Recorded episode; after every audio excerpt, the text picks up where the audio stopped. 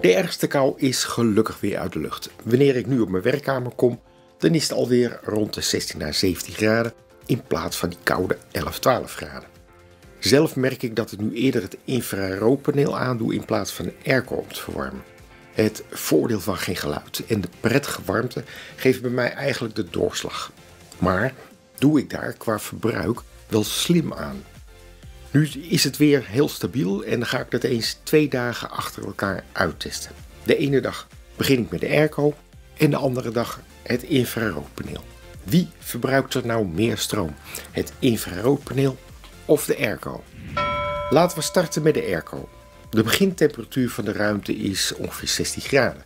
Deze gaan we tot 20, 21 graden verwarmen. Wanneer ik de airco vanaf 8 uur 4 uur lang gebruik, dan is het verbruik 1,059 kilowattuur. Nou, netjes zou ik zo zeggen. Maar nu de test met het infraroodpaneel. Boven mijn werkplek hangt een 750 watt paneel. Je zou zeggen dat deze 750 watt per uur verbruikt. Dat zou dus na 4 uur een 3 kilowattuur verbruik betekenen. Maar hij zit natuurlijk aangesloten op de thermostaat. De thermostaat ligt op mijn werktafel en deze is ingesteld op 21 graden. Wanneer het rond mijn bureau weer 21 graden is, dan schakelt het paneel gewoon weer uit. Wat is nou het verbruik geweest in deze 4 uur? Nou, dit blijkt geen 3 kilowattuur te zijn geweest, maar 0,468 kilowattuur. Dat is een enorm verschil. En in die 4 uur heeft het paneel maar 41 minuten echt aangestaan. Nou, dat is best bizar toch? Voor mij geeft dit een goed gevoel dat ik het infraroodpaneel gewoon aan kan doen zonder dat ik het gevoel heb dat ik hiervoor veel meer stroom verbruik dan bijvoorbeeld met de airco. Dit heeft me altijd een beetje tegengehouden, want het is toch een 750 watt paneel. In de vorige video had ik bij een vergelijking tussen infrarood en de airco ook de aanschafprijs meegenomen.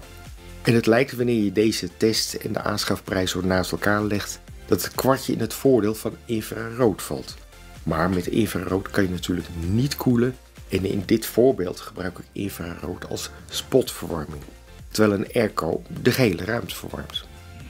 Spotverwarming met infrarood werkt heel goed wanneer de temperatuur van de ruimte waar je zit en de gewenste temperatuur niet veel uit elkaar ligt, zoals in het voorjaar en het najaar zeker het geval is. Is het verschil van kamertemperatuur en de gewenste temperatuur groter dan 4 graden, dan zal het veel minder aangenaam voelen. Zal een paneel ook aanzienlijk meer verbruiken. Conclusie voor mij is dan ook dat ik mij in het voorjaar en het najaar heerlijk kan verwarmen met mijn infraroodpaneel, zonder dat ik me zorgen hoef te maken over het stroomverbruik. Volgende keer heb ik trouwens een ontmoeting met Jan. En Jan heeft een eigen speciale kachel gemaakt waar je weer heerlijk omheen kan zitten. Heel bijzonder. Kijk er dus.